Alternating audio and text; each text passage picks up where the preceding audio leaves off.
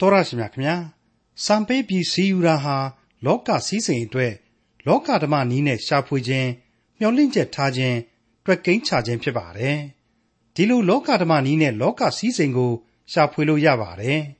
အကျိုးဖြစ်ထွန်းတယ်ဆိုတာကိုလည်းလက်တွေ့ပင်အထင်ရှားတွေ့မြင်ကြရပါတယ်ခံစားကြရပါတယ်ဒီသဘောတရားကိုပဲဒီကနေ့သင်သိရသောတမန်ကျမ်းအစီအစဉ်မှာလေ့လာမှာဖြစ်တဲ့ခရိယန်တမန်ကျမ်းရဲ့ဓမ္မအောင်ကျမ်းပိုင်းတွေက ဒေသနာကျမ်းအခန်းကြီး7မှာသင်၏အစာကို ရေပေါ်မှာပြစ်ချလော့ကာလကြာမြင့်မှတဖန်တွေ့လေဦးမည်လူ9ယောက်မက10ယောက်တို့အားဝေမျှလော့မြေပေါ်မှာအဘယ်အမှုရောက်မည်ကိုသင်မသိလို့နေရောင်အောက်မှာရှိရှိသမျှအနတ္တလို့လောကဓမ္မအမြင်နဲ့ရှုမြင်ကောက်ချက်ချပြီးဒေသနာကျမ်းကိုရေးသားခဲ့သူရှောလမုန်မင်းကြီးကဆိုပါတယ်သူဆိုတဲ့အတိုင်းလဲမှန်ကန်ပါတယ်ဒါပေမဲ့လို့သူ့ရဲ့လောကဓမ္မအမြင်တွေမှာ လောကုတ်တရားဓမ္မအမြင်ကိုစတင်ထည့်သွင်းလာတာကိုဒေသနာကျမ်းအခန်းကြီး7မှာတွေ့ရပါတယ်။တို့ရတွင် ထိုအမှုအလုံးစုံတို့ကိုဖျားသခင်စစ်ကြော၍တင့်ကိုအပြစ်ပေးတော်မူမည်ဟု အောက်မေ့လော့လို့သတိပေးထားပါတယ်။ဒေသနာဆရာပြောတဲ့အနတ္တလူဘဝကနေအ내ကလူဘဝသို့တက်လှမ်းကြဖို့အတွက်တိုက်တွန်းချက်နဲ့အတူဒေသနာကျမ်းအခန်းကြီး7ကိုဒေါက်တာထွန်းမြတ်အေးကအခုလိုသုံးသပ်တင်ပြมาဖြစ်ပါတယ်။ မိတ်ဆွေတော်တတ်ရှင်အပေါင်းတို့ခမညာရှောလမုန်မင်းကြီးစီရင်ရေးသားနေတဲ့ဒေသနာကျမ်းများဟာတမှုထူးခြားတဲ့ကျမ်းများဖြစ်တယ်လို့ကျွန်တော်တို့သင်သိရသောတမန်ကျမ်းဟာဖော်ပြထားခဲ့ပြီးပါပြီဒီကျမ်းရဲ့သဘောဟာအခြားကျမ်းတွေလိုဘုံတော်မြတ်ကိုဖွဲ့ဆိုတာကယ်တင်ရှင်ယေရှုတော်ကိုဗျာဒိတ်ပြုတာလို့ကျွန်တော်တို့လုံးဝပြောဆိုနိုင်ခြင်းမရှိပါဘူးဒါကြောင့်မို့လို့လေတမှုထူးခြားသောကျမ်းများလို့ဖော်ပြရခြင်းပါဘုရားသခင်ရဲ့မေတ္တာတော်အရေးအောက်ကနေပြီးတော့ဘုရားသခင်ကိုကြောက်ရွံ့ခြင်းသဘောသည် ပညာ၏အချုပ်အခြာဖြစ်၏ဘုရားသခင်ကိုကြောက်ရွံ့ခြင်းသဘောသည်ဉာဏ်ပညာကိုသွန်သင်ခြင်းဖြစ်၏ထာဝရဘုရားကိုကြောက်ရွံ့ခြင်းသဘောသည်ဒုစရိုက်ကိုရှောင်ခြင်းဖြစ်၏ထာဝရဘုရားကိုကြောက်ရွံ့ခြင်းသဘောသည်အသက်ဤလမ်းဖြစ်၏စသဖြင့်သုတ်တန်ကြံပညာများကိုဖော်ပြပေးခဲ့တဲ့တနည်းအားဖြင့်အလွန်ကောင်းသောဝိညာဉ်သင်ခန်းစာများကိုပေးခဲ့တဲ့ရှောလမုန်မင်းကြီးဟာဘုရားသခင်ရဲ့အရေးအောက်မှသည်နေရောင်အောက်ကိုကုသန့်ရောက်ရှိသွားပြီးတဲ့နောက်မှာ မြေကြီးသားသက်သက်လူဘဝကလူမိုက်ကြီးရှောလမုန်အဖြစ်နဲ့နေရောင်အောက်ကအနတ္တအမြင်တွေသက်သက်ကိုကြီးပဲဖော်ပြတယ်။နဲ့နဲ့ဆိုင်ဆိုင်ဒီသင်ခန်းစာတွေကိုဆန်းစစ်လိုက်ရင်အခြားသောကျမ်းကဗျာဒိတ်တွေကိုတောင်မှဆန့်ကျင်ဘက်ပြုရရောက်နေတယ်။ချိုးဖောက်နေတယ်ဆိုတဲ့ဆန့်ကျင်ဘက်သဘောတရားတွေကိုတောင်တွေ့ရလိမ့်အောင်မယ်ဆိုပြီးတော့လေကျွန်တော်အနေနဲ့အသေးစိတ်ဖော်ပြပေးခဲ့ပါတယ်။မှန်ပါတယ်မိတ်ဆွေအပေါင်းတို့။နေအောင်အောက်မှာရှိသမျှအရာရာသည်အနတ္တလို့ဆိုကြတဲ့က ဇာတိပဂရိလူသားရဲ့လောကသစ္စာကိုဖော်ပြတဲ့နေရာမှာကတော့မှန်ကန်တာမှန်တယ်သစ္စာမှန်တယ်မြေသားဘဝရဲ့ပဂရိအခြေအနေမှန်ကိုပိုင်ပိုင်ကြီးသုံးသပ်တင်ပြထားတာဟာလေမငြင်းနိုင်ဘူးဒါပေမဲ့ကဲတင်တော်မူခြင်းကျေးဇူးတော်ဘုရားသခင်ရဲ့မေတ္တာတော်နဲ့ဂရုနာတော်ဆိုတဲ့အချက်တွေကြတော့ပျောင်ပျောင်ကြီးညင်းပယ်ရရောက်နေလိမ့်မယ်ဆိုတာကိုကျွန်တော်ရှင်းလင်းပြသစွာသဘောပေါက်ထားဖို့လိုပါလိမ့်မယ်တနည်းအားဖြင့်ကတော့ရုပ်ဝါဒဆန်သောဒေသနာကျမ်းလို့ကျွန်တော်ခေါ်လို့ရပါတယ်သတ်မှတ်လို့လည်းဖြစ်နိုင်ပါတယ် ဒါပေမဲ့အဲ့ဒီလိုလောကရဲ့မြင်ကွင်းတွေကိုနေအောင်အောက်ကဇာတိပဂရိလူသားဟာလူမျက်လုံးအစုံနဲ့ရှုမြင်သုံးသပ်တော်ကိုဘုရားသခင်ကဒီကြမ်းကြီးကိုကောင်းကြီးမပေးတော့ဘူးလားဝိညာဉ်တော်မှုတ်သွင်းခြင်းမပြုတော့ဘူးလားဆိုရင်ဘုရားသခင်ရဲ့ဝိညာဉ်တော်တကူကြောင့်သာလျှင်ဒီဒေသနာကျမ်းဟာနှုတ်ကပတ်တော်မှာပါဝင်လာတာပဲဓမ္မကျမ်းကြီးတဆူအဖြစ်အသက်လန်းခရီးမှာအခိုင်အမာပါဝင်လာတာပဲအကျိုးပြုလာတာပဲ အလိုတော်မရှိဘဲနဲ့ဘယ်နည်းနဲ့မှကျမ်းစာတစ်စောင်ဖြစ်မလာနိုင်ဘူးဆိုတာကိုကျွန်တော်တို့သိထားကြဖို့အထူးပဲလိုအပ်ပါတယ်အခုအထိဒေသနာကျမ်းကိုကျွန်တော်တို့လေ့လာနေခဲ့ကြတဲ့နေရာမှာကျမ်းတိုင်းကျမ်းတိုင်းဟာအနတ္တတရားသဘောတွေကိုမြင်ရတဲ့အခါတိုင်းမှာအ내ကတန်ဖိုးကြီးလာတဲ့ကျေးဇူးတော်ဆိုတာကိုအစဉ်အမြဲရှင်တွဲဆင်ခြင်မိစေတယ်။အောက်မေ့မျှော်လင့်စေတယ်။ကိုယ့်ရဲ့အသက်တာဟာရိုးပြမြေခကြွေကြရတဲ့အသက်တာကြီးပဲမို့လို့ဘယ်လိုဘယ်လိုဘုရားသခင်ကိုအားကိုးခိုလုံရလိမ့်မယ် ယုံကြည်ခြင်းတရားကိုလက်ကင်ထားရလိမ့်မယ်ဆိုတာတွေးကိုအမြင်သစ်နဲ့ခံယူရမယ်ဆိုတာများဟာစက်တိုက်ရှာဖွေပြီးသားအဖြေများဖြစ်ပွားလာစေတယ်လို့ကျွန်တော်ဆိုချင်ပါတယ်။ဒီတော့ဒီကြမ်းကြီးဟာအလိုအလျောက်အသက်လန်းကိုပြုစုပေးသောကြမ်းကြီးတစ်စုဖြစ်လာရတယ်။လူဘဝရဲ့သစ္စာတရားကိုလူသားပြည်ပြီးရှုမြင်လိုက်လေတိုင်းမှာအထက်ဘုံကိုမျောလင့်စွာမော်ကြည့်စေသောကြမ်းကြီးတစ်စုဖြစ်လာစေတယ်လို့ကျွန်တော်တို့တွေ့နိုင်ပါတယ်။အဲ့ဒီလိုတမှုထူးကြတဲ့ကြမ်း အခြားကျမ်းတွေထဲမှာမှသီးသီးသန့်သန့်ဖြစ်နေတယ်လို့ဆိုရတဲ့ကျမ်းကြီးထဲမှာဆိုရင်ကျမ်းဆရာရှောလမုန်မင်းကြီးဟာမြေကြီးသားအမြင်တွေနဲ့ကြီးပဲလှိမ့်ပြီးတော့မြေကြီးလောကကိုမြေကြီးရင်နဲ့သင်းပြန့်စွာရေးဖွဲ့ထားတယ်အနတ္တသက်သက်အနတ္တသက်သက်ခတ်သိမ်းသောအရာတို့သည်အနတ္တသက်သက်သာဖြစ်ပါသည်တကားဆိုပြီးတော့သူဟာဏိဒန်းပြိုးလိုက်တဲ့အတိုင်းပဲအနတ္တသက်သက်သာလျင်ကမ္ဘာလောကကြီးဟာဖြစ်နေတယ်မြင်မြင်သမျှသင်္ခါရမြင်မြင်သမျှအနတ္တသာဖြစ်ပါတယ်ခမညာဆိုတာကိုသူ့ရဲ့သိပ္ပံအတတ်အမြင် ဉာဏ်ပညာအမြင်ကံစီမံသည့်အတိုင်းသာဖြစ်ရသောလူဘဝအမြင်ဘာသာရေးရှုထောင့်ကအမြင်အတ္တအမြင်တဏတရားနဲ့အမြင်စသည်စသဖြင့်ရှုထောင့်အမျိုးမျိုးကနေပြီးတော့သူဖော်ထုတ်ပြသပေးခဲ့ပြီးပြီသူ့ဟာနဲ့သူကတော့အကုန်လုံးဟာအနတ္တတရားမှန်ကန်ကြောင်းကိုထောက်ခံနေတာပဲဆိုတာကိုလည်းတွေ့ကြရပြီဖြစ်ပါတယ်ပြီးခဲ့တဲ့သင်ခန်းစာအခန်းကြီး9နဲ့10တို့ကစတင်ပြီးတော့သူဟာ အလေအလတ်လမ်းစဉ်လို့ကျွန်တော်ဆိုခဲ့တဲ့နောက်ထပ်ဆန်းသစ်သောအမြင်တစ်မျိုးနဲ့တစ်ခါဆက်ပြီးတော့အနတ္တလောကကြီးတဲ့ကိုရှုမြင်သုံးသပ်နေပြန်ပါတယ်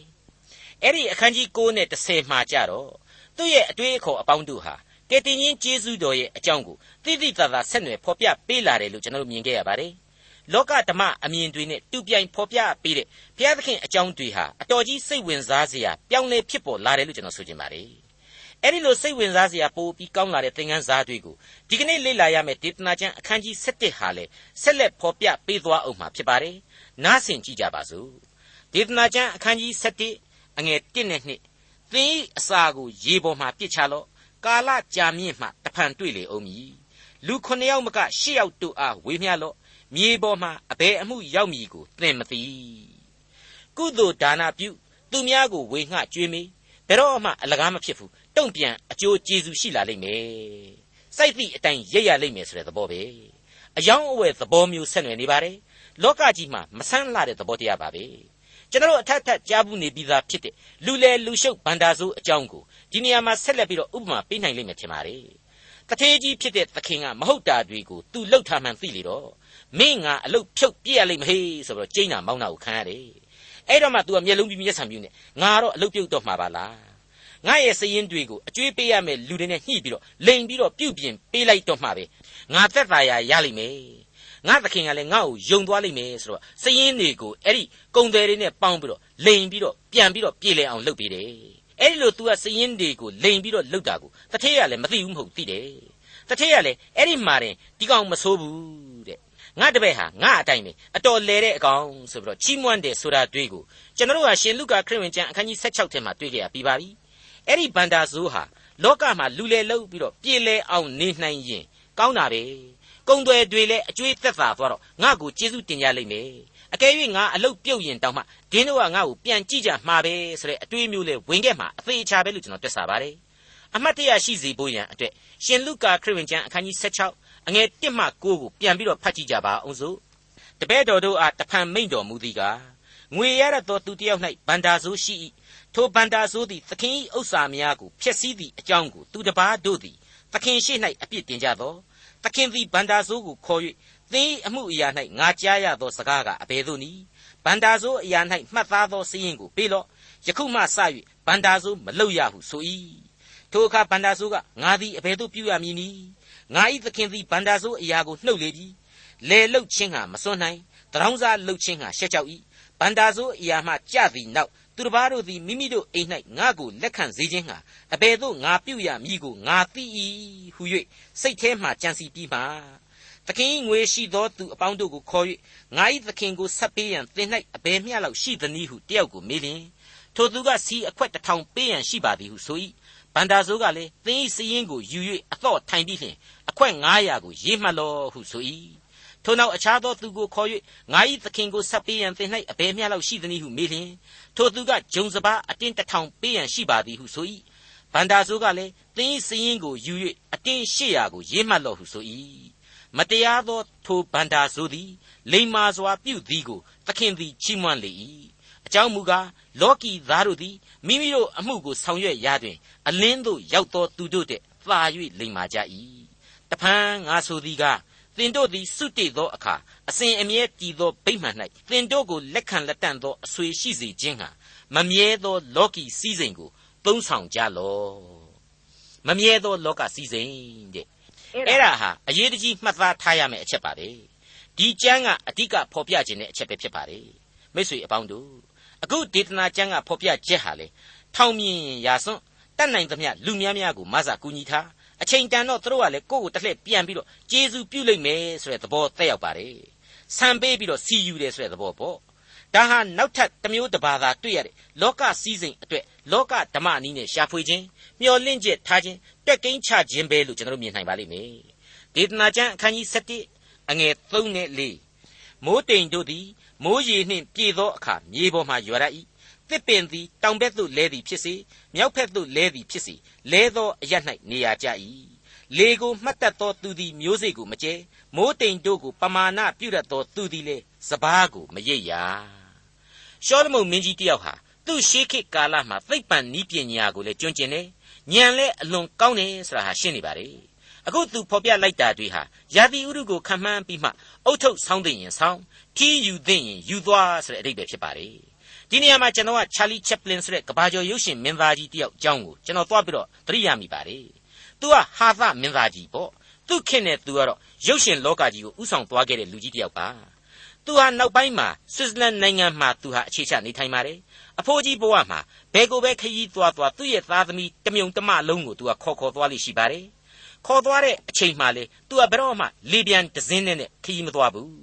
လေပြန်နှစ်စင်းသုံးစင်းခွဲပြီးတော့မှသားသမီးတွေတချို့ကိုဟိုဒဇင်းဒီဒဇင်းစသဖြင့်လူခွဲပြီးသွားလိမ့်ရှိပါတယ်တဲ့။ဘာဖြစ်လဲဆိုတော့လေပြန်တွေဟာအချိန်မီပြက်ကြနိုင်တယ်။ဒဇင်းနဲ့စီးသွားလို့အဲ့ဒီစီးသွားတဲ့ဒဇင်းပြက်ကြမယ်ဆိုရင်ငါမျိုးပြုတ်မှာစိုးလို့ဆိုပြီးတော့သားသမီးတွေကိုလေပြန်တခြားလေပြန်တွေနဲ့ခွဲပြီးတော့ခေါ်သွားခြင်းပါပဲ။အသက်ကိုညံဆောင်နေအဆဆအရာမှာညံနဲ့ဆင်ကျင်တွေးခေါ်မျှော်မြင်နေအစဉ်ပြေပြေတွက်ဆစေတယ်ဆိုတဲ့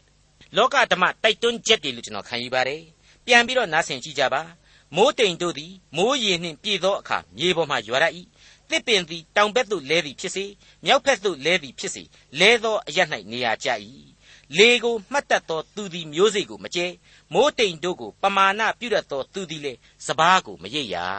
တဲ့ဒေသနာကျမ်းအခန်းကြီး7အငယ်9ကိုဆက်လက်နားဆင်ကြည့်ကြပါအောင်စို့နံဝိညာဉ်သွားရလမ်းကို၎င်းကိုဝန်ဆောင်သောမိမဝန်း၌အယိုးတို့သည်အဘယ်သို့တိုးပွားသည်ကို၎င်းမသိနိုင်တကယ်သို့ အလုံးစုံတို့ကိုဖန်ဆင်းတော်မူသောဘုရားသခင်အမှုတော်တို့ကိုမသိနိုင်အလွန်ထိရောက်လာတဲ့လောကလူသားတို့ရဲ့အတွေ့ပါပဲကိုဝိညာဉ်ဟာဘယ်လိုဆက်လက်ပြီးတော့ခရီးနှင်ရမယ်ဆိုတာကိုကိုဟာမသိဘူးတဲ့တော်ပါသေးရဲ့လို့ကျွန်တော်ကဒီနေရာမှာဆိုချင်ပါတယ်တခြားကြောင့်မဟုတ်ပါဘူးဝိညာဉ်ရှိမှန်းကလေးတော့လက်ခံတယ်ဆိုတဲ့အဆင့်မလို့ပါတချို့တချို့သောလူသားဟာဝိညာဉ်ရှိတယ်ဆိုတာကိုတော့မှလက်မခံကြတာရှိနေလို့ပါပဲဒါကြောင့်မလို့တော်ပါသေးရဲ့လို့ဆိုပြီးကျွန်တော်တွေးတာပါ ရှိနေတဲ့လူသားရဲ့ဝိညာဉ်ဟာဘယ်ကိုသွားမယ်ဆိုတာကိုဘယ်သူမှမသိနိုင်ပါဘူးလို့ဒေသနာဆရာဟာတင်ပြလိုက်ပြတယ်ပြီးတဲ့နောက်မှာတော့ကိုဝန်ဆောင်ပိုက်ထဲကသရေသားမှာအယိုးကလေးတွေဘယ်လိုတိုးပွားလာတယ်ဆိုတာကိုလေဘယ်သူကမှအတိအကျမပြောနိုင်ပါဘူးတဲ့ဟုတ်တယ်အခုလောက်သိပ္ပံပညာကြီးတွေထွန်းကားနေတာတောင်မှနော်မီဇိုဒမ်အန်ဒိုဒမ်အက်တိုဒမ်ဆိုတဲ့အရာတွေဟာသရေသားအတွင်းမှာအလွှာလိုက်တည်ရှိနေကြတယ် အဲ့ဒီအလွှာတွေဟာတိုးတက်လာတယ်ဆိုတာကိုမှန်ဘလူးအောက်မှာကြည့်ပြီးတော့သရေသားတိဆောက်ပုံကိုသိလာတယ်ဒါပေမဲ့အဲ့ဒီ embryogenic processes လို့ခေါ်တဲ့သရေပြောင်းလဲမှုအဆင့်ဆင့်ကိုလူတွေဟာတက်ခွဲကမ်းမှာဘယ်လို့မှဖန်တီးလို့မရနိုင်ဘူးဇီဝဆိုတဲ့အရင်းခံအသက်ကိုဘယ်လို့မှလုတ်ယူလို့မရနိုင်သေးဘူးနောက်လဲဘယ်တော့မှရမှာမဟုတ်ဘူးလို့လေကျွန်တော်ကတော့ကြိုတင်အာမခံဝင်ပါတယ်ပြောဝင်ပါတယ်အဲ့ဒီလိုကိုယ်ဝိညာဉ်ဤသွားရလံကိုယ်ကိုယ်ဝန်မိခင်သရေစီက တရေသားကလေးတယောက်ရဲ့ဇီဝတိုးတက်မှုတွေကိုဘယ်သူမှမသိနိုင်သလိုအလုံးစုံသောအရာတို့ကိုဖန်ဆင်းသောသူဘုရားသခင်ရဲ့အမှုတော်များတို့ကိုလေလူသားတွေဟာဘယ်နည်းနဲ့မှမကြံစီမတွေးဆနိုင်ဘူးကြိုပြီးတော့မသိနိုင်ပါဘူးတဲ့မှန်လိုက်လေခြင်းလို့ကျွန်တော်ယင်ထဲမှာလှုပ်ရှားသွားမိပါတယ်မိတ်ဆွေအပေါင်းတို့ရေအနတ္တဝါဒီကြီးရဲ့အနတ္တတရားဟာပြောရင်းဆိုရင်းနဲ့အနတ္တတဲ့ပိုကဲနေပြီလူဟာအနတ္တမဟုတ်တော့ဘူးဆိုတာကိုတွေးလိုက်ယုံနဲ့ပေါ်လွင်နေပြီမဟုတ်ဘူးလားလို့ကျွန်တော်မေးချင်ပါတယ်ဟုတ်ပါတယ် ကဘာကျော်ကဗျာဆရာကြီးပါစီဘီရှီရှယ်လီဆိုတဲ့ပုဂ္ဂိုလ်ကြီးဟာ Poet's Dream လို့ခေါ်တဲ့လင်္ကာရှည်ကြီးတစ်ခုကိုစတ်ဆိုခဲ့ပါတယ်အချစ်ပွဲကြီးပေါ့ဒါကိုကျွန်တော်ဟာမဂ္ဂဇင်းကြီးတစ်ခုအတွင်းမှာဆောင်းပါးတစ်ခုရေနောက်ထပ်မဂ္ဂဇင်းတစ်ခုတည်းမှာတော့မေတ္တာပွဲဝတ္ထုတစ်ခုရေနဲ့ဘာသာပြန်ပြီးတော့ဒီ Percy Bysshe Shelley ရဲ့ကြပြာကိုဘာသာပြန်ပြီးတော့ရေးသားခဲ့ပူပါတယ် Poet's Dream သို့မဟုတ်စာစုပ်အိမ်မက်ဆိုတဲ့ Shelley ရဲ့ကြပြာကတော့ဗမာလိုကျွန်တော်အခုလိုပြန်ဆိုထားခြင်းဖြစ်ပါတယ်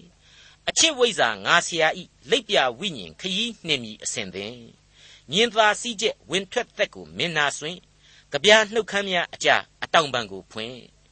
လောကကဘာကိုတန်လျက်ခြင်းမရှာခြင်းမတွေ့ခြင်းမနာခိုခြင်းရင်သိမ့်တုံပွဲအတွေးနေဤအရေးများလျင်ကောင်းကင်ဘုံယနံ့သင်းပြန့်သောအနမ်းများနှင့်သူ့အားပွေဖက်တရှိုက်မဲ့မဲ့အသက်ဝင်စည်းစာနှစ်ခုအလဲတွင်အိုငါဝိညာဉ်ပန်းဤယကုံအာမုံတို့အကြား ပြားပရုံများပြန်သွားသည်ပင်ရေပြင်းမှန်ချက်အလင်းဟပ်၍တစ်ဖြတ်ဖြတ်တောက်ပါစဉ်အပြင်ပန်းအမြင်ပါမျှမဆန်းပေမေလေလွင့်လိပ်ပြသင်္ကာယသအလှဖန်ဆင်းအသက်သွင်းငါအားဆောင်ခြင်းခရီးပြင်းတန်လျက်မဟုတ်လူမလုတ်သည့်နေဆဒူဝရှင်သန်ခြင်းတဲ့အဲ့ဒီလိုစတ်ဆူခဲ့ခြင်းဖြစ်ပါလေကဲအခုအဲ့ဒီအတိုင်းဆိုရင်ကိုယ်ဝိညာဉ်ဟာဘယ်ကိုသွားမယ်ဆိုတာကိုမသိတဲ့အနတ္တလူသားဟာအမှန်ပဲအနတ္တဟုတ်သေးလို့လား အချစ်ရဲ့အကြောင်းကိုနောကြည်နေအောင်ကျွန့်နေတဲ့ငါကဗျာဆရာလင်္ကာဆရာဟာကဗျာရဲ့ကာယံဒီကိုရှာရင်းနဲ့ငြိမ်သက်စွာတိတ်ဆိတ်စွာစိတ်ဝိညာဉ်လိပ်ပြအားဖြင့်ခရီးဆန့်မိတယ်တဲ့ကြပြဆရာအဲ့လိုရေးတယ်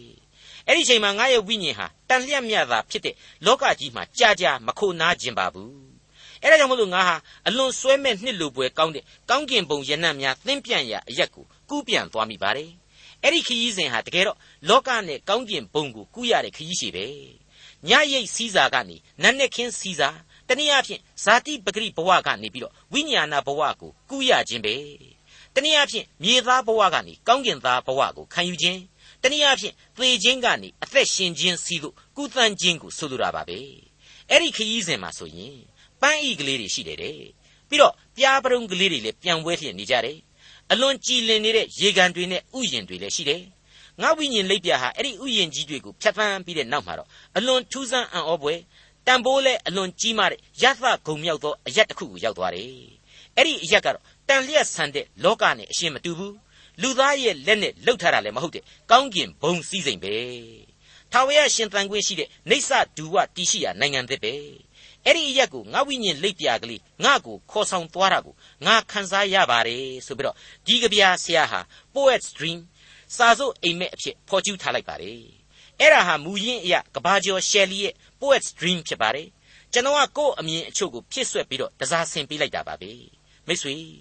ကိုဝန်ဆောင်သောမိမဝန်း၌အယိုးတို့သည်အဘယ်သို့တိုးပွားသည်ကိုမသိနိုင်တကယ်သို့အလုံးစုံကိုဖန်ဆင်းတော်မူသောဘုရားသခင်အမှုတော်တို့ကိုလည်းလူသားဟာမသိနိုင်ပါဘူးတဲ့မှန်ပါတယ် 136ခုမြောက်သောဆာလံမှာဒေသနာဆရာရဲ့ဖခင်ဒါဝိဒ်မင်းကြီးဘယ်လိုဆက်ဆူခဲ့တယ်ဆိုတာကိုလည်းဆက်ပြီးတော့ကြည့်စေချင်ပါတယ်။အိုးထာဝရဖေဟာကိုတော်သည်အကျွန်ုပ်ကိုစစ်ကြော၍သိတော်မူ၏အကျွန်ုပ်ထိုင်ခြင်းထားခြင်းအရာတို့ကိုသိတော်မူ၏အကျွန်ုပ်အကြံအစီတို့ကိုအဝေးကပင်နားလေတော်မူ၏အကျွန်ုပ်သွားသောလမ်းကို၎င်းအိယာကို၎င်းစစ်ဆေး၍အကျွန်ုပ်ကျင့်သောအကျင့်အလုံးစုံတို့ကိုကျွမ်းတော်မူ၏ အကျွန်ုပ်သည်စကားတခွန်းကိုမျှမမွက်တော်လဲအိုးထာဝရဖေဟာကိုတော်သည်အကျွင်းမဲ့သိတော်မူ၏ကိုတော်သည်အကျွန်ုပ်ကိုပတ်လည်ဝိုင်းထား၍အကျွန်ုပ်အပေါ်မှာလက်တော်ကိုတင်တော်မူပြီ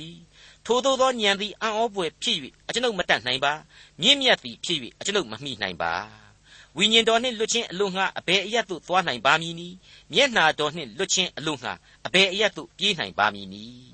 ကောင်းကင်သို့တက်လျင်ကိုတော်ရှိတော်မူ၏မရဏနိုင်ငံ၌အိယာကိုခင်းလျင်ကိုတော်ရှိတော်မူ၏နတ်နှင့်အတောင်တို့ကိုယူ၍သမုတ်တရားဇွန်း၌နေလျင်ထိုအရ၌ပင်ကိုတော်၏လက်သည်အကျွန်ုပ်ကိုပို့ဆောင်လျက်လက်ရလက်တော်သည်ကင်လျက်ရှိပါလိမ့်မည်အကယ်၍မှောင်မိုက်သည်ငါကိုဖုံးလွှမ်းမြူတဖန်ဆိုလျင်ညသည်လည်းအကျွန်ုပ်ဝန်းကျင်၌အလင်းဖြစ်ပါလိမ့်မည်အကယ်စင်စစ်မှောင်မိုက်သည်ရှေ့တော်၌အဘယ်အရာကိုမျှမဖုံးနိုင်ပါညသည်နေကဲ့သို့လင်းပါ၏မှောင်မိုက်သဘောနှင့်အလင်းသဘောသည်တူပါ၏ ကိုတော်သည်အကျွန်ုပ်၏ကြောက်ကပ်ကိုပင်ဖန်ဆင်း၍အမိဝန်းထဲမှအကျွန်ုပ်ကိုဖုံးအုပ်တော်မူပြီးအကျွန်ုပ်သည်ကြောက်မဲ့ဖွယ်သောလက္ခဏာထူးဆန်းသောလက္ခဏာတို့နှင့်ပြည့်စုံသည်ဖြစ်၍ကိုတော်ကိုချီးမွမ်းပါမည်ပြုပြင်တော်မူသောအမှုတို့သည်အံ့ဩဖွယ်ဖြစ်ကြောင်းကိုအကျွန်ုပ်၏စိတ်ဝိညာဉ်သည်အမှန်သိပါ၏မထင်ရှားသောအရ၌အကျွန်ုပ်ကိုဖန်ဆင်း၍မြေကြီးအောက်အရ၌စိတ်ဆက်စွာပြုပြင်တော်မူသောအခါအကျွန်ုပ်၏ကိုယ်ခန္ဓာသည်ရှေ့တော်၌ထင်ရှားလျက်ရှိပါ၏ မစုံလင်သေးသောအကျွန်ုပ်၏အလုံးအထွေးကိုလည်းကိုတော်သည်ကြည့်ရှု၍မြင်တော်မူပြီးထိုအမှုအရာတို့ကိုပြုပြင်၍တစုံတစ်ခုမျှမရှိမီကာလတွင်ကိုတော်၏စည်ရင်၌အကုန်အစင်မှတ်သားလျက်ရှိကြပါ၏အိုးဖျားသခင်အကျွန်ုပ်၌ကိုတော်၏အကြံအစီတို့သည်အလွန်ထူးဆန်းကြပါ၏အလွန်များပြားကြပါ၏ထိုအကြံအစီတို့ကိုရေတွက်လျင်သဲလုံးနှင့်အမျှမကပါ၍များပြားကြပါ၏အကျွန်ုပ်သည်နိုးသောအခါကိုတော်ထံ၌အစဉ်ရှိပါ၏မိတ်ဆွေအပေါင်းတို့ခမညာ အခုဆိုရင်ရှောလမုန်မင်းကြီးရဲ့ဒေသနာအတိုင်းလူသားဟာအနတ္တလောကအမြင်နဲ့ကြည့်ရင်အနတ္တမျှတာဖြစ်တယ်ဆိုတာအမှန်မငင်းနိုင်ဘူးဒါပေမဲ့အဲ့ဒီအနတ္တအမြင်မှာအသက်ရှင်တော်မူသောဘုရားသခင်စီကလာတဲ့ကျေးဇူးနဲ့ဂရုနာတော်ဘုန်းတကုတ်နဲ့အာနုဘော်တော်ကယ်တင်ရှင်တရားဆိုတဲ့နှုတ်ကပတ်တော်ကဖော်ပြချက်များနဲ့ဖြည့်ဆွက်လိုက်တာ ਨੇ အဲ့ဒီအနတ္တအမြင်ဟာဘလောက်အထိကြည်လင်သွားရတယ်မြင့်မြတ်သွားရတယ်နှက်ဆိုင်သွားရတယ်ဆိုတာဟာရှင်းနေအောင်ပေါ်လွင်နေစေပြီလို့ကျွန်တော်ဆိုချင်ပါတယ် ဒေသနာကျမ်းအခန်းကြီး7အငယ်6မှ8နန်းနဲ့အချိန်၌မျိုးစေ့ကိုကျဲလော့ညဦးအချိန်၌လည်းမကျဲဘဲမနေနှင့်အကြောင်းမူကားအဘယ်အရာသည်အကျိုးရှိမည်ကို၎င်းနှစ်ပါးစလုံးတို့သည်အညီအမျှအကျိုးရှိမည်ကို၎င်းမသိနိုင်အကယ်စင်စစ်အလင်းသည်ချို၏နေရောင်ခြီကိုမြင်၍ပျော်ပါเสียရှိ၏တို့ရာတွင် လူသည်အသက်တာရှည်၍အစဉ်ရှင်လန်းတော်လဲမှောင်မိုက်ကာလကိုအောက်မေ့ပါစေထိုကာလကြာမြင့်လိမ့်မည် ဖြစ်လက်တန့်သမျှတို့သည် အနတ္တသက်သက်ဖြစ်ကြ၏အပြိုင်တီးရှိနေတဲ့နေ့နဲ့ညရဲ့အကြောင်းကိုရှောလမုန်မင်းကြီးဖော်ကျူးပေးလိုက်တာပါပဲအမှန်ကတော့နေအောင်အောက်ကလူလောကရဲ့တရုပ်ခွဲတွေပေါ့နေရှိတဲ့အတွက်ကြောင့်နေအောင်ရှိလို့နေဖြစ်တယ်တနေ့ဝင်သွားပြန်တော့နေအောင်မရှိလို့ညဖြစ်သွားပြန်တယ်ဘယ်လိုပဲဖြစ်ဖြစ်နေကိုတီမီနေလို့သားလျင်ဒီလိုနေနဲ့ညဖြစ်နေတယ်ဆိုတာဟာမရှင်းဘူးလားနေမှာဖြစ်စေညမှာဖြစ်စေ မြေလောကရဲ့အနတ္တသဘောသည်ပြက်ပြဲခြင်းအရှင်းမရှိအရာရာသည်အနတ္တများသာဖြစ်သည်တို့ဖြစ်တဲ့အတွက်ကြောင့်သင့်လျော်သလိုပျော်ကြပါပျော်သလိုသာနေကြပါမွေ့လျော်သလိုသာအသက်ရှင်ကြပါခံစားကြပါဒါပေမဲ့စိတ်လွတ်ကိုလွတ်တော့လည်းမဟုတ်ပြန်ဘူးရေစည်းတစ်ခါရေသာတစ်လှည့်သင့်ငုံမြင့်တုံမျက်မြင့်တုံဖြစ်သောလူဘဝအကြောင်းကိုတော့လေမျက်ခြေမပြတ်ကြပါစေနဲ့ဆိုပြီးတော့ဒေသနာဆရာဟာတိုက်တွန်းလိုက်ခြင်းပါပဲဟုတ်ပါတယ်မိတ်ဆွေအပေါင်းတို့နေအောင်အောက်ကလူဘဝ အရာရာသည်အနတ္တဆိုတော့အနတ္တအမြင်နဲ့ပြောရမယ်ဆိုရင်တော့ရှင်သန်ရတဲ့အသက်တာကို့အနာဂတ်ကိုကိုမပိုင်သတဲ့အသက်တာမှာပျော်ပျော်နေသေခဲဆိုတာဟာအကောင်းဆုံးပဲမဟုတ်ဘူးလားဒါပေမဲ့အဲ့ဒါဟာအနတ္တအမြင်အခုချိန်မှာတော့ဒေသနာကျမ်းရဲ့ကျမ်းတဲ့အခန်းကြီး7အငယ်9နဲ့10ကိုဆက်လက်တင်ပြခြင်းပါတယ်ပို့ပြီးတော့အနှစ်သာရပြည့်ဝအောင်အငယ်9ကနေစတင်ပြီးတော့ဖတ်ရှုပြပါရစေအကယ်စင်စစ်အလင်းသည်ချို၏နေရောင်ခြီကိုမြင်၍ပျော်ပါเสียရှိ၏ တို့ရတွင် လူသည် အသက်တာရှည်၍အစဉ်ရှင်လန်းတော်လေမှောင်မိုက်ကာလကို အောက်မေ့ပါစေ ထိုကာလကြာမြင့်လိမ့်မည် ဖြစ်လက်တန့်သမျှတို့သည် အနတ္တသက်သက် ဖြစ်ကြ၏အချင်းလူပြို အသက်ပြိုသောအခါ ပျော်မွေ့လော့ အသက်ပြိုစဉ်ကာလတွင် စိတ်ရွှင်လန်းခြင်းရှိလော့ ကိုအလိုရှိရာလမ်းနှင့် ကိုညံပြသောလမ်းသို့ လိုက်လော့တို့ရာတွင် ထိုအမှုအလုံးစုံတို့ကို ဘုရားသခင်စစ်ကြော၍သင်ကို အပြစ်ပေးတော်မူမည်ဟု အောက်မေ့လော့ တို့ဖြစ်၍စိတ်ညှိုးငယ်ခြင်းအကြောင်းနှင့်ကိုဆင်းရဲခြင်းအကြောင်းကိုပယ်ရှားလော့အသက်ငယ်ခြင်းအရာနှင့်အရွယ်ပြိုခြင်းအရာသည်အနတ္တဖြစ်၏ဒီအပိုင်းကိုရောက်လာတော့လူပြိုကလေးတွေအပြိုကလေးတွေလူငယ်လူရွယ်လေးတွေကိုတပိုင်းကနေပျော်တယ်လို့နေစေခြင်းနဲ့ဆိုပြီးတော့တိုက်တွန်းတယ်တပိုင်းကလည်းအဲ့ဒီပျော်ရွှင်ခြင်းဆိုတာဟာဘုရားသခင်ပြုတော်မူသောအခွင့်အရေးဘုရားသခင်ကျေးဇူးတော်ကြောင့်တည်လာရတဲ့ငယ်ဘဝရဲ့အခွင့်အရေး ဒါပေမဲ့အဲ့ဒီပျော်ရွှင်ခြင်းအပေါ်မှာလေခွင့်ပြုတော်မူသောဘုရားသခင်ဟာပဲအပြစ်ပေးပိုင်တော်မူတယ်စစ်ဆေးနိုင်တော်မူတယ်စိတ်လွတ်ကိုလွတ်ကြီးပဲတော့လေသိပ်ပြီးတော့ထင်ရကိုမဆိုင်ကြနဲ့ဆိုတဲ့သဘောပဲလို့ကျွန်တော်ခံယူပါတယ်ပြီးခဲ့တဲ့ဒေသနာကျမ်းအခန်းကြီး30သင်ခန်းစာမှာတုန်းကဆိုရင်တွင်းကိုတူသောသူသည်ထိုတွင်းတဲ့သို့ကြလိမ့်မည်ခြံကိုဖျက်သောသူသည်မွေကြိုက်ခြင်းကိုခံရလိမ့်မည်ကြောက်တို့ကိုရွှေ့သောသူသည်ဖိခြင်းကိုခံရလိမ့်မည်ခင်းခုတ်သောသူသည်လည်းရှာနာလိမ့်မည် အဲ့ဒီလိုဖော်ပြခဲ့ပြီးဖြစ်ပါတယ်တစ်ချိန်တည်းမှာပဲဂလာတိဩဝါဒစာအခန်းကြီး6အငယ်9မှာလည်းအလွဲမယူကြနှင့်ဘုရားသခင်ဟာလူကိုမျိုးစေ့ကျဲသည့်အတိုင်းစိုက်ပျိုးရသောအခွင့်ရိတ်သိမ်းရသောအခွင့်ကိုပေးလိမ့်မယ်တနည်းအားဖြင့်ကိုစိုက်တဲ့အတိုင်းရိတ်ရလိမ့်မယ်ဘုရားသခင်ကအပြစ်ကိုပေးပိုင်တယ်ဆိုတာကိုကျွန်တော်တို့ရှင်းလင်းဖော်ပြခဲ့ပြီးဖြစ်ပါတယ်မိတ်ဆွေအပေါင်းတို့လူဤဘဝအနတ္တပျော်ပျော်ပါးပါးနေကြဆိုတဲ့အချက်ကိုတော့ဒေသနာဆရာဟာထောက်ခံထားပါတယ် ဒါပေမဲ့အဲ့ဒီလိုပျော်ရွှင်မှုကိုလည်းခံစားဘုရားသခင်ကိုလည်းမမေ့ဘူးဆိုတာနဲ့ပတ်သက်လို့သတိမူရမယ်အချက်သုတ်တန်ကျမ်းမှာအခုလိုအခိုင်အမာဆိုခဲ့ပါတယ်သုတ်တန်ကျမ်းအခန်းကြီး24အငယ်73 74နဲ့သုတ်တန်ကျမ်းအခန်းကြီး25အငယ်29နဲ့28တို့မှာအခုလိုတွေ့မြင်နိုင်ခြင်းဖြစ်ပါတယ်ငါသာပြားရည်ကောင်းသောကြောင့်စားလော့ချိုမြိန်သောပြားလပုတ်ကိုလည်းစားလော့ထို့အတူသင်တွေ့ရသောပညာတရားသည်စိတ်ဝိညာဉ်၌အရသာနှင့်ပြည့်စုံ၍သင်သည်မျှော်လင့်ခြင်းအကြောင်းမပြည့် ကောင်းသောအကျိုးကိုခံရလိမ့်မည်။ပြားရည်ကိုစားကျူးလျင်မကောင်းတဲ့ကဲ့သို့ကိုဂုံအသရေကိုရှာလျင်ဂုံအသရေမရှိကိုစိတ်ကိုမချုပ်တီးနိုင်သောသူသည်မြို့ရိုးပြိုပြက်၍ဟင်းလင်းလင်းရှိသောမြို့နှင့်တူ၏တဲ့အလွန်ကောင်းတဲ့သင်ခန်းစာတွေကိုအဲ့ဒီလိုသုတ်တန်ဆရာဟာသုတ်တန်ကျမ်းမှာဖော်ပြပေးခဲ့ပြီးပါပြီအခုဒေသနာကျမ်းမှာဖော်ပြချက်ကိုမိတ်ဆွေတို့မမေ့နိုင်ဖို့ရန်တကြော့ပြန်ပြီးတော့ဖတ်ပြပါရစေအချင်းလူပြိုအသက်ပြိုသောအခါပျော်မွေ့လော့ အသက်ပြိုစဉ်ကာလတွင် စိတ်ရွှင်လန်းခြင်းရှိလော့ကိုအလိုရှိရာလမ်းနှင့်ကိုညံပြသောလမ်းသို့လိုက်လော့တို့ရာတွင် ထိုအမှုအလုံးစုံတို့ကိုဘုရားသခင်စစ်ကြော၍သင်ကိုအပြစ်ပေးတော်မူမည်ဟုအောက်မေ့လော့တို့ဖြစ်၍စိတ်ညှိုးငယ်ခြင်းအကြောင်းနှင့်ကိုဆင်းရဲခြင်းအကြောင်းကိုပယ်ရှားလော့အသက်ငယ်ခြင်းအရာနှင့်အရွယ်ပြိုခြင်းအရာသည်အနတ္တဖြစ်၏မိတ်ဆွေတော်တတ်ရှင်အပေါင်းတို့ဒေသနာဆရာရဲ့ဖခင်ဒါဝိဒ်မင်းကြီးရဲ့ခေတ်မှာ 136ခုမြောက်သောဆာလံတဲမှာဖော်ပြခဲ့တဲ့အဆုံးအမလေးတစ်ခုဟာဒီနေရာမှာအလွန်ကိုက်ညီလာတယ်လို့ကျွန်တော်တွေးမိပါတယ်။ကြောင်းမလို့ကျွန်တော်အနေနဲ့ပြန်ပြီးတော့ဖတ်ရှုပြခြင်းပါတယ်။136ခုမြောက်သောဆာလံအငယ်6မှ16လူပြိုသည်မိမိသွားသောလမ်းကိုအဘယ်သို့တန့်ရှင်းစေနိုင်ပါမည်နည်းဟုမူကားနှုတ်ကပတ်တော်အတိုင်းသတိပြုရမည်။အကျွန်ုပ်သည်ကိုတော်ကိုစိတ်နှလုံးအကျွင့်မဲ့ရှာပါ၏။ပြည့်ညတ်တော်လမ်းမှလွဲစီတော်မမူပါနှင့်။ကိုတော်ကိုမပြစ်မှားဘဲနေနိုင်မည်အကြောင်း ဗျာဒိတ်တော်ကိုနှလုံးထဲမှတူထားပါပြီ။အိုးထာဝရဖျားကိုတော်သည်မင်္ဂလာရှိတော်မူ၏အထုံးအဖွဲ့တော်တို့ကိုအကျွန်ုပ်၌တွင်တင်တော်မူပါစီရင်တော်မူရာနှုတ်တော်အတွက်အလုံးစုံတို့ကိုအကျွန်ုပ်သည်ကိုနှုတ်နှင့်ဟောပြောပါ၏ခသိန်းသောစည်းစိမ်ဥစ္စာကိုရပြီးတကဲ့သို့တက်သိခံတော်မူရာလမ်း၌ဝမ်းမြောက်ပါ၏ပေးတော်မူသောဩဝါဒကိုဆင်ခြင်၍လမ်းခရီးတော်တို့ကိုကြည့်ရှုပါ၏အထုံးအဖွဲ့တော်တို့၌မွေ့လျော်ပါ၏နှုတ်ကပတ်တော်ကိုမမှတ်ဖဲမနေပါတဲ့ မှန်ပါတယ်မိတ်ဆွေအပေါင်းတို့ခမညာပျော်ရွှင်ခြင်းနှုတ်ပြိုခြင်းဝမ်းမြောက်ခြင်းဆိုတာတွေဟာဘုရားသခင်ပေးသနာတော်မူသောအသက်တာအချိန်ကာလရဲ့ဆုကျေးဇူးမင်္ဂလာတွေပဲဖြစ်ပါတယ်။ပျော်ရွှင်ခြင်းကင်းမဲ့တဲ့အသက်တာဝမ်းမြောက်ခြင်းမရှိသောအသေးကဲ့သို့သောအသက်တာမှာကျွန်တော်ဆိုရင်အရှင်းမနေခြင်းပါဘူး။ဒါပေမဲ့အဲ့ဒီလိုအမြဲပျော်ရွှင်နေခြင်းပဲမဲ့လေအဲ့ဒီလိုအမြဲတမ်းပျော်ရွှင်နေခွင့်ရှိပါသလားမရှိပါဘူး။တနေ့ရွှေတနေ့ငွေဆိုသလိုဒုက္ခတွေအလီလီဆိုက်ခဲ့ဘူးတာ စိတ်အလိုမကျမှုတွေနဲ့ရင်ဆိုင်ရတာမျက်ရည်ပေါက်ပေါက်ကြရတာစသဖြင့်ဘဝအသက်တာမှာအကြိမ်ကြိမ်ရင်ဆိုင်ခဲ့ရဘူးပြီလည်းဖြစ်ပါတယ်မိတ်ဆွေအပေါင်းတို့နေအောင်အောက်မှာနေမင်းကြီးကြောင့်နေ့နဲ့ညဆိုတာဟာဖြစ်ကိုဖြစ်ရမယ်တမတာရှိပါတယ်ဒီလူဘဝကိုရောက်ပြီးမှတော့လူဘဝကိုကြောက်ရွံ့နေလို့မရသလိုဘဝဘေးတာဝန်တွေကိုလည်းထမ်းရလိမ့်မယ်ဘဝတာဝန်တွေကိုလည်းတစ်ဖက်ကကြေပြွန်ကြရလိမ့်မယ်အထူးသဖြင့်ဘဝဘေးအသည့်နဲ့ ဩအရာရာဟာအနတ္တသာလားဆိုပြီးတော့အရှုံးမပေးအ내ကဘဝအစဉ်အတန်းကိုဘုရားသခင်အားယုံကြည်ခြင်းအပြင်တော်၎င်းကယ်တင်ရှင်သခင်ခရစ်တော်ရဲ့ကျေးဇူးနဲ့ဂရုနာတော်ကိုခံယူခြင်းအပြင်တော်၎င်းတက်လှမ်းသွားကြရလိမ့်မယ်လို့အလေးအနက်တင်ပြလိုက်ပါရစေအကယ်စင်စစ်အလင်းသည်ချို၏နေအောင်ချီကိုမြင်၍ပျော်ပါเสียရှိ၏တို့ရတွင် လူသည်အသက်တာရှည်၍အစဉ်ရှင်လန်းတော်လဲမှောင်မိုက်ကာလကိုအောက်မေ့ပါလိစေ